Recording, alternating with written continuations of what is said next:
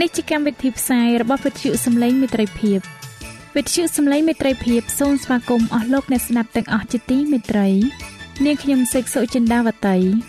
ហើយខ្ញុំបាទអង្ចាន់វិជ្ជៈក៏សូមស្វាគមន៍លោកអ្នកស្ដាប់ទាំងអស់ផងដែរនៅពេលនេះយើងខ្ញុំមានសេចក្តីសុំមនស្សរីករាយដោយបានវិលមកជួបអស់លោកអ្នកនាងកញ្ញាអ្នកស្ដាប់សាជាថ្មីម្ដងទៀត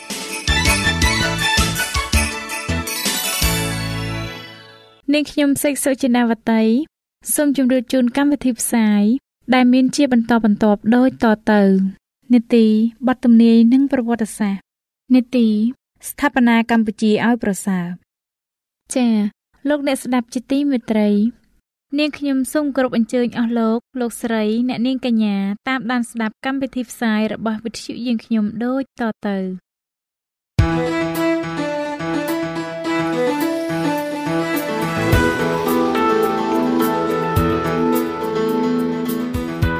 សូមជូននីតិបទទំនាយនិងប្រវត្តិសាស្ត្រ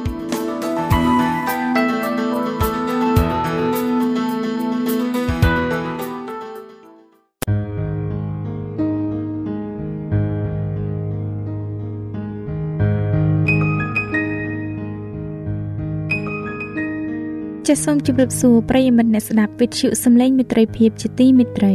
នាងខ្ញុំសេកសុចនាវតី មានសេចក្តីអំណររីករាយដែលបានវិលមកជួបលោកអ្នកសាជាថ្មីម្ដងទៀតនៅក្នុងនេតិស្ថាបនាកម្ពុជាឲ្យប្រសើរនៅថ្ងៃនេះនាងខ្ញុំសូមលើកយកភាគទី4នៃមេរៀនទី7មានចំណងជើងថាអភូតហេតុនៅទន្លេខ្វាយដែលជាភាគបញ្ចប់នៃមេរៀនចុងក្រោយនៅក្នុងនេតិរបស់យើងខ្ញុំប្រិយមិត្តអ្នកស្ដាប់ជាទីមេត្រី នាងខ្ញុំសូមគោរពអញ្ជើញលោកអ្នក តាមដានស្ដាប់ភាគបញ្ចប់នៃមេរៀនចុងក្រោយរបស់យើង ដោយចាប់ផ្ដើមពីយុវជនចកដូចតទៅចកជាមនុស្សម្នាក់រស់រាយដែលតែងតែនិយាយកំ pl ែងសាច់លេង នៅពេលគេមកជំរុំឆ្លើយសឹកឯចុងកាយគាត់មានជំងឺបេះដូងរោគស្ពឹកគ្រុនចាញ់និងរោគរាកមូលប៉ុន្តែគាត់មានការរវល់គាត់បានប្រមូលព្រះគម្ពីរជាច្រើនពីអ្នកដែលចិត្តស្លាប់ ហើយការងារគាត់គឺយកព្រះគម្ពីរនោះទៅចែកឲ្យអ្នកណាដែលចង់ខ្ចីសេចក្តីត្រូវការនោះធំធេងណាស់បានជាគាត់អាចឲ្យម្នាក់ម្នាក់ខ្ចីបានម្ដង ហើយម្ដងបានតែ1ម៉ោងប៉ុណ្ណោះពេលដែលគាត់ដើរសាកសួរសុខទុក្ខពីម្នាក់ទៅម្នាក់គាត់តែងតែធ្វើឲ្យគេមានអំណរសប្បាយដោយសារសេចក្តីជំនឿនិងការកំ pl ែងផង មានថ្ងៃមួយនោះគ្មានការចែកព្រះគម្ពីរទៀតឡើយ ពួកអ្នកជំងឺចង់ដឹងថាតើមានអ្វីកើតឡើងដល់ចុកចុកកើតជំងឺអាសន្នរោគជាទម្ងន់ដែលគាត់មិនអាចដើរចេញពីគ្រែរបស់គាត់បាន ជារៀងរាល់ថ្ងៃ មនុស្សជាបានឈៀងចូលសាកសួរសុខទុក្ខគាត់ នៅពេលដែលគេធ្វើដំណើរទៅកន្លែងធ្វើការ ថ្ងៃមួយ ពេលដែលគេសួរពីអាការៈរោគរបស់គាត់គាត់ឆ្លើយថាអូខ្ញុំមិនជាយ៉ាប់យ៉ឺនប៉ុន្មានទេ ជំងឺនេះ มันអាចធ្វើឲ្យខ្ញុំឈឺច្រើនជាងនេះប៉ុន្តែតែងមានការដែលយើងត្រូវអរគុណដល់ព្រះជានិច្ចគាត់ញញឹមហើយបន្តថាមិនយូរប៉ុន្មានទេ យើងនឹងបានទៅផ្ទះវិញហើយមួយម៉ោងក្រោយមកជុកក៏បានស្លាប់ទៅលោកអ្នកស្ដាប់ជាទីមេត្រីព្រះយេស៊ូវបានមានបន្ទូលនៅក្នុងព្រះគម្ពីរយូហានចំពុក14ខ1ដល់ខ3ថាកុំឲ្យចិត្តអ្នករកគ្នាថប់បារម្ភឡើយ អ្នករកគ្នាជឿដល់ព្រះហើយចូលជឿដល់ខ្ញុំដែរនៅក្នុងដំណាក់នៃប្រវោបិតាខ្ញុំ មានទីលំនៅជាច្រើនពុំនោះខ្ញុំបានប្រាប់អ្នករកគ្នាហើយខ្ញុំទៅរៀបកន្លែងឲ្យអ្នករកគ្នាបើខ្ញុំទៅរៀបកន្លែងឲ្យអ្នករកគ្នានោះខ្ញុំនឹងត្រឡប់មកវិញនិងទទួលអ្នករកគ្នាទៅឯខ្ញុំប្រយោជន៍ឲ្យអ្នករាល់គ្នាបាននៅកន្លែងដែលខ្ញុំនៅនោះដែរផែនដីដែលយើងរស់នៅសប្តាហ៍ គឺគ្រាន់តែជាកន្លែងបណ្ដោះអាសន្នតែប៉ុណ្ណោះមិនមែនជាលំនៅឋាន ដែលយើងត្រូវរស់នៅអកលជានិច្ចនោះទេ នៅពេលដែលព្រះយេស៊ូវយាងមកម្ដងទៀតតាមសេចក្តីសន្យារបស់ទ្រង់នោះនោះយើងនឹងបានទៅឯផ្ទះរបស់យើងវិញហើយទោះបើយើងត្រូវស្លាប់នៅផែនដីក៏ដោយចុះត្បិតព្រះយេស៊ូវបានមានបន្ទូលនៅក្នុងព្រះគម្ពីរម៉ាកុសចំពុក5ខ39ថាស្លាប់ប្រៀបដូចជាការដេកលក់ ក្នុងគម្ពីរយូហានចំពុក11ខ25ព្រះយេស៊ូវមានព្រះបន្ទូលថាខ្ញុំជាសេចក្តីរស់ឡើងវិញ ហើយជាជីវិត អ្នកណាដែលជឿដល់ខ្ញុំទោះបើបានស្លាប់ហើយគង់តែនឹងរស់ឡើងវិញដែររីឯព្រះគម្ពីរវិវរណៈចំពុក14ខ13បានចែងថាពីថ្ងៃនេះទៅមុខអស់អ្នកណាដែលស្លាប់ក្នុងព្រះអង្គម្ចាស់នោះមានពរហើយត្បិតគេបានឈប់សម្រាកពីគ្រប់ទាំងការនឿយហត់របស់គេ ត្បិតការគេធ្វើក៏តាមគេជាប់នឹងគម្ពីរម៉ាថាយចំពុក16ខ27បានចែងថាប្រកូនមនុស្សនឹងមកក្នុងសេរីល្អនៃព្រះវរបិតាជាមួយនឹងពួកទេវតារបស់លោកគ្រានោះលោកនឹងសងដល់គ្រប់គ្នាតាមការដែលបានធ្វើរៀងខ្លួន ហើយជាទីបញ្ចប់សូមលោកអ្នកតាមដានស្ដាប់ពីអភូតហេតុចុងក្រោយបងអស់សង្គ្រាមចិត្តចប់សពគ្រប់ហើយលោកឧត្តមសេនីយ៍ឯក Gordon និងនាយទាហានអង់គ្លេសមួយរទេសភ្លើងពេញត្រូវបានបញ្ជូនទៅទិសខាងត្បូងសម្ដៅទៅបាងកកលុះមកដល់កន្លែងមួយនោះគេទុកឲ្យនៅមួយរយៈយ៉ាងយូរនៅក្បែរនោះមានរថយន្តដឹកទំនិញជាច្រើន ដែលផ្ទុកដោយពួកជប៉ុនដែលត្រូវរបួសដោយសារគេអស់មានកម្លាំងនិងប្រយុទ្ធទៅទៀតនោះកងទ័ពរបស់គេលែងរវល់នឹងគេទៀតហើយ គេខ្វះការមើលថែទាំរបួសអ្នកណាស្លាប់ គេបានយកសពទៅបោះចោលក្នុងព្រៃអ្នកដែលនៅសេសសល់សុទ្ធតែស្មោកគ្រោកដោយភក់ឈាមនិងលាមក របួសរបស់គេមានសុទ្ធតែខ្ទុះនិងដង្កូវចុះពួកគេទាំងនោះដេកអស់ក្តីសង្ឃឹមរងចាំតែសេចក្តីស្លាប់តែប៉ុណ្ណោះពេលនោះមានការអស្ចារ្យមួយកើតឡើង ពួកនាយទាហានអង់គ្លេសដែលពី18ខែមុនត្រូវសម្លាប់គេ ហើយនៅជាសត្រូវនឹងគ្នានៅឡើយ បានបើកសម្ពីររបស់គេឡើងយកម្ហូបអាហារ ទឹកនិងកំណាត់សម្ពុតរួចបានស្ទុះឡើងទៅក្នុងទូរថភ្លើងរបស់ពួកជប៉ុន គេបានលុតជង្គង់ចុះក្បែរខ្មាំងសត្រូវរបស់គេ ដើម្បីឲ្យទឹកនិងចំណីអាហារព្រមទាំងលៀងហើយរុំរបួសឲ្យគេផង ពេលដែលពួកអង់គ្លេសត្រូវធ្វើដំណើរទៅទៀតពួកជប៉ុនបានថ្លែងអំណរគុណម្ដងហើយម្ដងទៀត ដោយធ្វើតាមច្បាប់នៃព្រះយេស៊ូវដែលព្រះបានមានបន្ទូលថាត្រូវស្រឡាញ់ពួកខ្មាំងសត្រូវត្រូវឲ្យពរដល់អ្នកណាដែលប្រតិចផ្ដាសាត្រូវប្រព្រឹត្តល្អនឹងអ្នកណាដែលស្អប់អ្នករាល់គ្នា ហើយត្រូវអធិដ្ឋានឲ្យអ្នកណាដែលធ្វើទុកបៀតបៀនដល់អ្នករាល់គ្នាវិញដូច្នេះបើសិនណាជាខ្មាំងសត្រូវអ្នកឃ្លាន នោះចូលឲ្យគេបរិភោគចុះបើគេស្រែកចូលឲ្យគេផឹកទៅ បើប្រព្រឹត្តដូច្នោះ នោះដូចជាអ្នកបានប្រមូលរងើកភ្លើងដាក់លើក្បាលគេវិញកុំឲ្យសេចក្តីអាក្រក់ឈ្នះអ្នកឡើយត្រូវឲ្យអ្នកឈ្នះសេចក្តីអាក្រក់ដោយសារសេចក្តីល្អវិញដោយការធ្វើដូច្នោះនោះគេបានរំលើងចោលចិញ្ចាំងនៃសំអប់រវាងពួកអង់គ្លេសនិងពួកជប៉ុនមិនយូរប៉ុន្មានក្រោយមកលោកឧត្តមសេនីយ៍ឯក Gordon បានវិលត្រឡប់ទៅកាន់ស្រុកកំណើតរបស់គាត់វិញ នៅឯប្រទេស Scotland ជាការចម្លែកដែលលោកតែងតែនឹករលឹកសេចក្តីស្រឡាញ់ដែលលោកបានឆ្លងកាត់នៅជំរំមរណៈចិត្តទន្លេខ្វាយព្រះគម្ពីរលូកាចំពុក10ខ27បានចែងថា ចូលស្រឡាញ់ព្រះអង្គម្ចាស់ជាព្រះនេះឯងឲ្យអស់អំពីចិត្តអស់អំពីព្រលឹងអស់អំពីកម្លាំងហើយអស់អំពីគំនិតឯងព្រមទាំងអ្នកចិត្តខាងដោយខ្លួនឯងដែរសូមលោកអ្នកស្ដាប់សេចក្តីអធិដ្ឋានដល់ព្រះ ព្រះអង្គម្ចាស់អើយសូមប្រើកូន ជាគំរូនៃសន្តិភាពរបស់ទ្រង់ទីណាមានសំអប់សូមឲ្យកូនសាបព្រោះសេចក្តីស្រឡាញ់ទីណាមានរបួសផ្លូវចិត្តសូមឲ្យកូនសាបព្រោះការអត់ឱនទោសទីណាមានការមន្ទិលសង្ស័យសូមឲ្យកូនសាបព្រោះសេចក្តីជំនឿទីណាមានសេចក្តីវេទនាសូមឲ្យកូនសាបព្រោះសេចក្តីសង្ឃឹមទីណាមានភាពងងឹតសូមឲ្យកូនសាបព្រោះពន្លឺទីណាមានសេចក្តីទុកព្រួយ សូមឲ្យកូនសាបព្រោះសេចក្តីអំណរសប្បាយអោព្រះអង្គម្ចាស់អើយសូមកុំឲ្យកូនស្វែងរកការកំសាន្តចិត្តសម្រាប់ខ្លួនឯងតែឲ្យកូនកំសាន្តចិត្តអ្នកដតីវិញសូមកុំឲ្យកូនចង់ឲ្យគេយល់ពីកូនឡើយតែឲ្យកូនយល់ដល់គេវិញសូមកុំឲ្យកូនស្វែងរកសេចក្តីស្រឡាញ់តែឲ្យកូនស្រឡាញ់ដល់គេវិញព្រោះដែលយើងស្រឡាញ់បានជាយើងទទួលសេចក្តីស្រឡាញ់ដោយយើងអត់ឱនទោស ទើបយើងទទួលការអត់ឱនទោសដោយយើងស្លាប់នោះហើយ ដែលយើងនឹងកើតជាថ្មីក្នុងជីវិតអស់កលជានិច្ចអាមែនគ្មានការអាក្រក់ណានៅក្នុងពិភពលោកនេះដែលសេចក្តីស្រឡាញ់មិនអាចផ្សះផ្សាបាននោះឡើយចាស់អស់លោកលោកស្រីអ្នកនាងកញ្ញាអ្នកស្ដាប់វិទ្យុសំឡេងមិត្តភាពជាទីមេត្រីមេរៀនទាំងអស់នេះ ជាការអធិដ្ឋានរបស់យើងខ្ញុំ សម្រាប់ប្រិយមិត្តអ្នកស្ដាប់ទាំងអស់គ្នា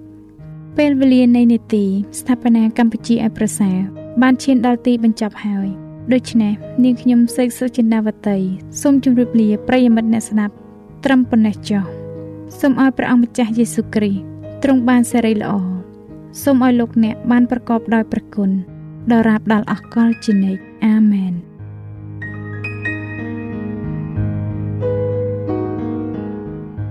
ចា៎ដោយពេលវេលាមានកំណត់ យើងខ្ញុំសូមអនុទីបទទំនាយនិងប្រវត្តិសាស្ត្រត្រឹមតែប៉ុណ្ណឹងសិនចុះដោយសន្យាថានឹងលើកយកនីតិនេះមកជម្រាបជូនជាបន្តទៀតនៅថ្ងៃអង្គារសប្តាហ៍ក្រោយ សូមអរគុណ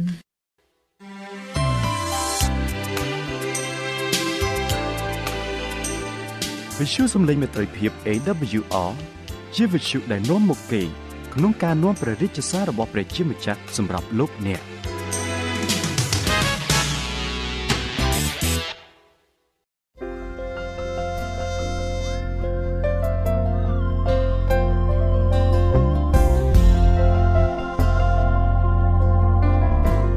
ខ្ញុំបាទសូមជម្រាបសួរដល់អស់លោកលោកស្រីនិងបងប្អូនអ្នកស្ដាប់វិទ្យុសំឡេងមេត្រីភាពជាទីមេត្រីហើយសូមឲ្យព្រះគុណនិងសេចក្តីសុខសាន្តរបស់ព្រះបានចម្រើនដល់លោកអ្នកឲ្យបានស្គាល់ព្រះវរបិតានិងព្រះយេស៊ូវជាព្រះអម្ចាស់នៃយើងតាមរយៈមេរៀននៅថ្ងៃនេះអស់លោកអ្នកស្ដាប់ជាទីមេត្រីនៅភាគទី2នៃជំពូកទី15នៅថ្ងៃនេះលោកអ្នកនឹងបានស្ដាប់តទៅទៀតអំពីការធ្វើបដិវត្តនៅប្រទេសបារាំងបដិវត្តមានន័យថាជាការទៀមទាការតវ៉ាពីបណ្ដាជនយ៉ាងច្រើន នៅក្នុងគោលបំណងផ្លាស់ប្តូររដ្ឋាភិបាលរបស់ពួកគេក្នុងនោះផងដែរលោកអ្នកនឹងបានស្ដាប់អំពីបទអក្រិតផ្សេងផ្សេងការប្រមាថមើលងាយនិងរឿងជាច្រើនផ្សេងទៀតនៅក្នុងការធ្វើបដិវត្តនោះតាមមូលហេតុអ្វីបានជាប្រទេសបារាំងមានបដិវត្តនេះកើតឡើង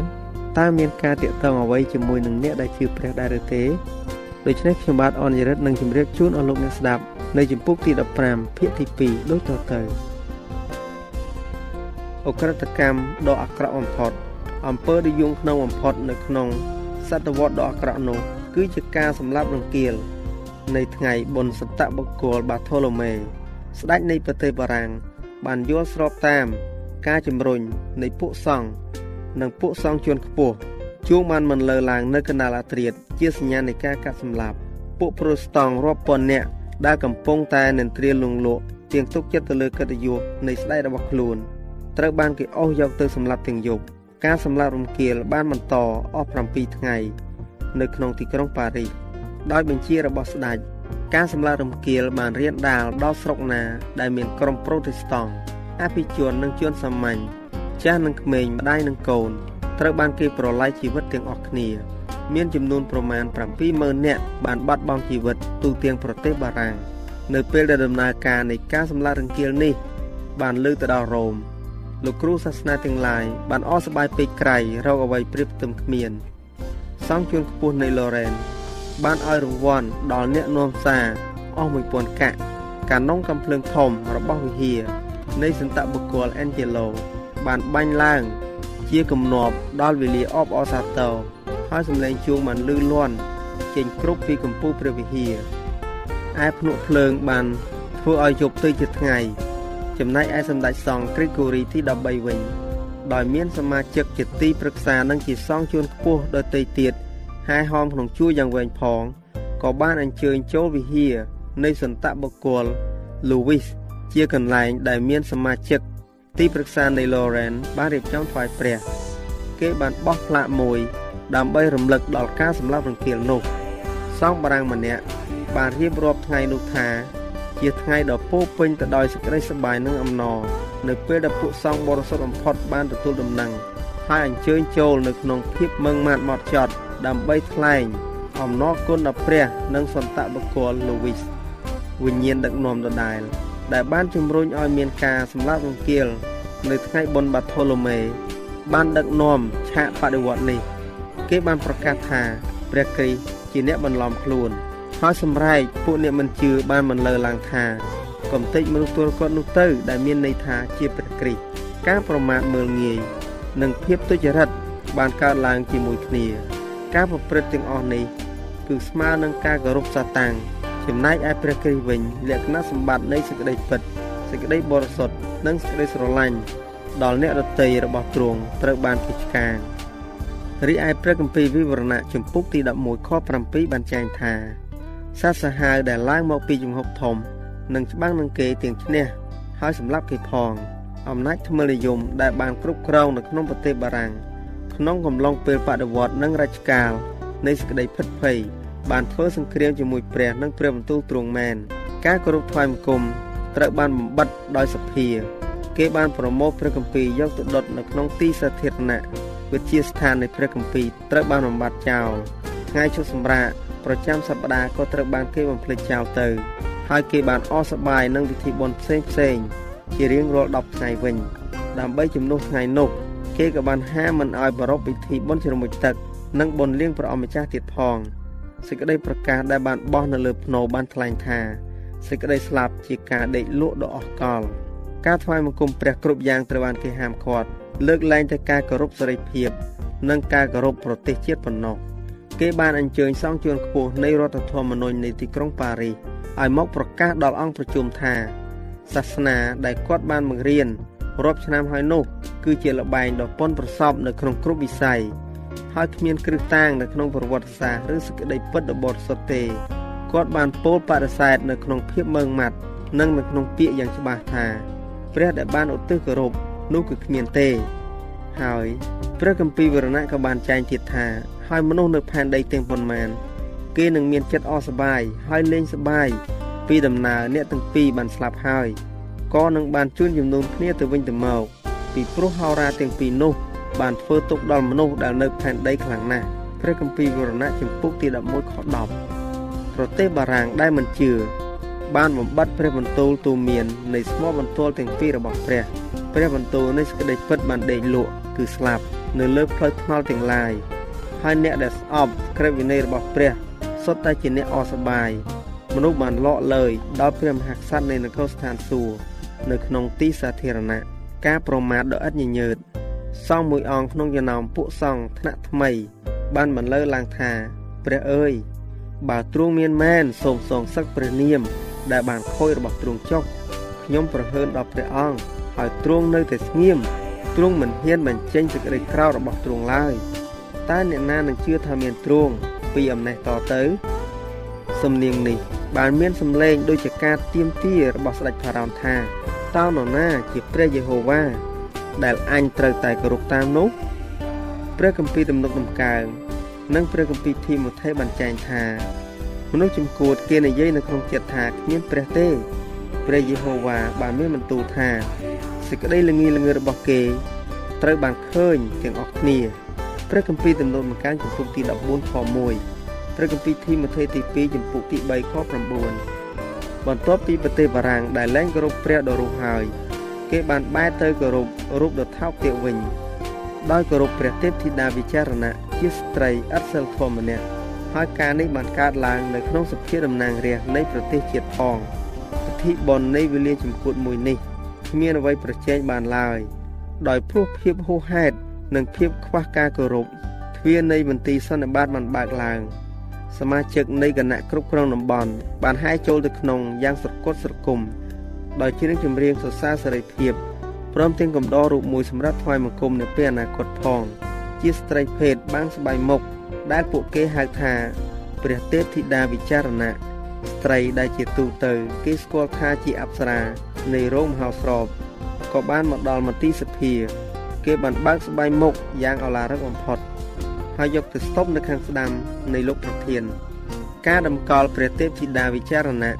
ត្រូវបានគេធ្វើឡើងវិញហើយត្រូវបានគេគោរពតាមទូទាំងប្រទេសជាតិក្នុងទីកន្លែងណាដែលអ្នកស្រុកចង់បង្ហាញខ្លួនគេឲ្យស្មើនឹងអស់ទាំងកម្ពស់នៃបដិវត្តនៅពេលដែលគេបាននាំព្រះទេពធីតាមកក្នុងសន្និបាតហើយអ្នកថ្លែងសន្ទរកថាបានទទួលដៃនាង ហើយបែរទៅឯអង្គប្រជុំថា ពួកអស់មនុស្សអើយចូលឈប់ខ្លាចសេចក្តីក្រោធដ៏ឥតអំណាចរបស់ព្រះ ដែលអ្នករាល់គ្នាធ្លាប់ភ័យខ្លាចនោះទៅ ចាប់តាំងពីពេលនេះតទៅកុំទទួលស្គាល់ព្រះណាក្រៅពីព្រះធីតាវិចារណៈឡើយខ្ញុំសូមជូនលោកអ្នកនៅរូបដ៏ថ្លៃថ្នូរនិងបរិសុទ្ធបំផុតហើយបើលោកអ្នកត្រូវមានរូបបដិមាសូមធ្វើបូជា សម្រាប់តែរូបមួយនេះចុះបន្ទាប់ពីលោកប្រធាន បានអោបក្រសោបហើយ គេបានដាក់ព្រះទេពធីតា នៅក្នុងរថយន្តដ៏រុងរឿងមួយ ហើយនាំទៅមហាវិហារណាត្រដាម ដើម្បីទៅជំនួសកន្លែងរបស់ព្រះ នៅទីនោះគេបានលើកនាងយ៉ាងខ្ពស់ទៅលើអាសនៈហើយបានទទួលសេចក្តីសរសើរពីជនគ្រប់រូបដែលមានវត្តមាននៅទីនោះលទ្ធិកាតូលិករ៉ូមបានចាប់ផ្ដើមកិច្ចការដែលលទ្ធិថ្មិលនិយមកំពុងតែបង្ហើយធ្វើឲ្យប្រទេសបារាំងវិវត្តទៅរកសេចក្តីអន្តរាយ អ្នកនិពន្ធដែលរសេរអំពីសេចក្តីតក់ស្លុតនៃបដិវត្តបានថ្លែងថាសេចក្តីនេះគឺនឹងចោទទៅលើអំណាចស្ដេចនិងព្រះវិហារវិញ បាននិយាយអំពីយុទ្ធធម៌ពិតប្រាកដគេត្រូវចោទដល់ព្រះវិហារវិញព្រោះលទ្ធិកាតូលិករ៉ូមបានបំពុលគំនិតរបស់ស្ដេចជាងឡាយដើម្បីឲ្យគេជំទាស់នឹងកំណែតម្រង់ប្រាជ្ញាឆ្លៀសវៃនៃរ៉ូមដែលចេញពីបាឡាំងគឺជាការបណ្ដុះគំនិតជិះជាន់ហើយខុសខើនោះឯង នៅទីណាដែលមនុស្សបានទទួលដំណឹងល្អគំនិតរបស់គេត្រូវបានភ្ញាក់រលឹកឡើងវិញ គេបានចាប់ផ្ដើមបោះចោលខ្នោះដែលខ្ទាស់គេជាទាសស្គរនៃអវិជ្ជានិងជំនឿអកុសលព្រះមហាក្សត្រទាំងឡាយបានលើដំណឹងល្អហើយក៏ញាប់ញ័រខ្លាចបាត់បង់អំណាចផ្ដាច់ការរបស់ខ្លួនឃើញដូច្នោះរ៉ូមក៏អុចអាលពួកស្ដេចភ្លាមសម្ដេចសង្ឃមានប្រសាសន៍ដល់ជានុសិទ្ធនៃប្រទេសបារាំងនៅក្នុងឆ្នាំ1525ថា ពួកប្រូតេស្តង់ចំពោះនេះនឹងមិនគ្រាន់តែធ្វើឲ្យវង្វេងនិងបំផ្លាញសាសនាទេថែមទាំងបំផ្លាញតំណែងវណ្ណៈអភិជនច្បាប់បទបញ្ជា និងឋានន្តរស័ក្តិទៀតផងអ្នកការទូតនៃវិហារកាតូលិកម្នាក់បានប្រមានស្ដេចថាពួកប្រូតេស្តង់នឹងធ្វើឲ្យបទបញ្ជាស៊ីវិលនិងបទបញ្ជាសាសនា មានដំណើរការមិនស្រួលហើយព្រះរាជបល្ល័ង្កនឹងស្ថិតនៅក្នុងសេចក្តីគ្រោះថ្នាក់ដូចជាអាសនាដែរ វិហារមទទួលបានជោគជ័យនៅក្នុងការរៀបចំប្រទេសបារាំងទាស់នឹងកំណែតម្រង់ប្រូតេស្តង់សេចក្តីបង្រៀននៃព្រះគម្ពីរនិងម្ដងក្នុងចិត្តប្រជាជន នៅគោលការណ៍នៃសេចក្តីយុត្តិធម៌សេចក្តីប្រមាណនិងសេចក្តីពិតដែលជាគ្រឹះតាងនៃសេចក្តីចម្រើនលូតលាស់នៃប្រទេសជាតិព្រោះសេចក្តីសុចរិតរមែងលើកដំកើងនគរដល់ម្លេះទើបរាជបានតាំងនៅជាប់ព្រះគម្ពីរសុភាសិតចំពុកទី14ខ34ចំពុកទី16ខ12 ព្រះគម្ពីរអេសាយចំពុកទី32ខ17ជួនដែលគោរពក្រឹតវិន័យពីស្ថានសួគ៌និងគោរពប្រតិបត្តិតាមច្បាប់របស់ប្រទេសជាប្រកបប្រទេសបារាំងបានហាមប្រាមមិនឲ្យមានព្រះគម្ពីរពីសតវត្ស1ទៅសតវត្ស1ជួនដែលមានកិត្តិយសខ្ពង់ខ្ពស់មានប្រាជ្ញាឆ្លៀសវៃនិងប្រកបដោយសិលធម៌មាំមួនដែលមានជំនឿដើម្បីរងទុកជួសសេចក្តីពិតបានคล้ายទៅជាទាសស្ករធ្វើពាក្យលិកម្មនៅក្នុងជ្រលងភ្នំស្លាប់បាត់បង់នៅនឹងបង្គោលមរណៈ ឬរលួយនៅក្នុងគុកងងឹតក្រោមដីមនុស្សរាប់ពាន់នាក់បានសុខចិត្តដោយការភៀសខ្លួនរយៈពេល250ឆ្នាំ បន្ទាប់ពីកំណែតម្រង់បានចាប់ផ្ដើមមកនៅក្នុងកំឡុងពេលដ៏យូរអង្វែងនោះកម្រមានសាសបារាំងមួយក្នុងចំណោមណា ដែលថានឹងបានឃើញពួកសាវកនៃដំណឹងល្អភៀសខ្លួនពីកំហឹងកំបុតដបងនៃអ្នកធ្វើទុកណាស់គេបានយកទៅជាមួយនឹងខ្លួននៅបញ្ញាសិល្បៈឧស្សាហកម្ម របៀបរៀបរយដែលជាគុណសម្បត្តិយ៉ាងប្រសើរដើម្បីធ្វើឲ្យភូមិភាគដែលគេឃើញថា ជាកន្លែងនៃជ្រកអាស្រ័យបានបរិបូរឡើងប្រសិនបើអស់ទាំងអ្វីអ្វីដែលបាននាំចេញត្រូវបានរក្សាទុកនៅក្នុងប្រទេសបារាំងវិញនោះនោះតើមិនមែនជាប្រទេសដ៏អស្ចារ្យហើយដ៏រីកចម្រើនសប្បាយយ៉ាងណាទៅ ហើយប្រហែលជាបានជាគំរូដល់ប្រទេសជាតិទៀតផងប៉ុន្តែសេចក្តីកង្វក់ និងសេចក្តីប្រកាន់ថាខ្លួនត្រូវជានិច្ចបានបណ្ដេញពីទឹកដីខ្លួន នៅគ្រប់ទាំងគ្រូដែលប្រកបដោយគុណធម៌គ្រប់ទាំងជើងឯកនៃរបៀបរៀបរយគ្រប់ទាំងអ្នកការពារដ៏ស្មោះត្រង់នៃបល្ល័ង្កទីបំផុតសេចក្តីហិនវិនិច្ឆ័យរបស់រដ្ឋឃើញថាត្រូវបានគ្រុចចំណុះហើយ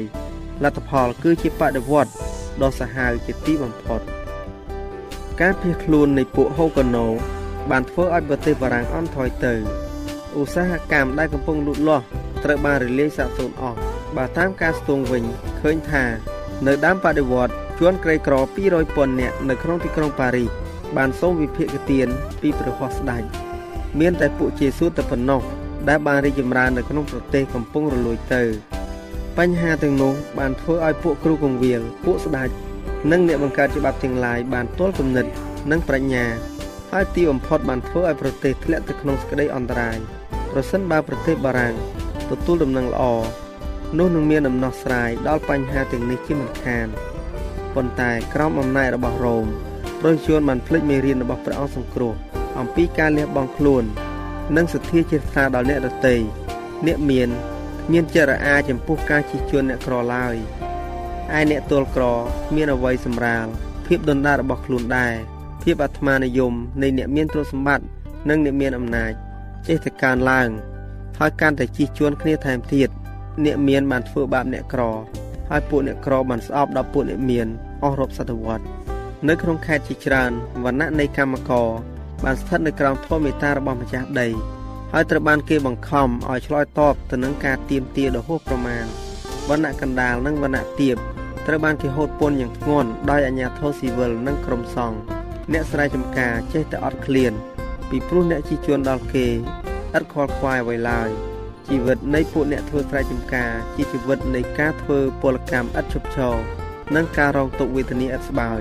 គេបានឆ្លើយតបទៅនឹងសេចក្តីត្អូញត្អែរបស់គេ ដោយមើលងាយជាខ្លាំងចៅក្រមទាំងឡាយបានល្បី ដោយសារការទទួលសំណោកសោកប៉ាន់ស្ដីអំពីពន់វិញ បានទៅដល់ឃ្លៀងរបស់ស្ដេចមិនបានពាក់កណ្ដាលផង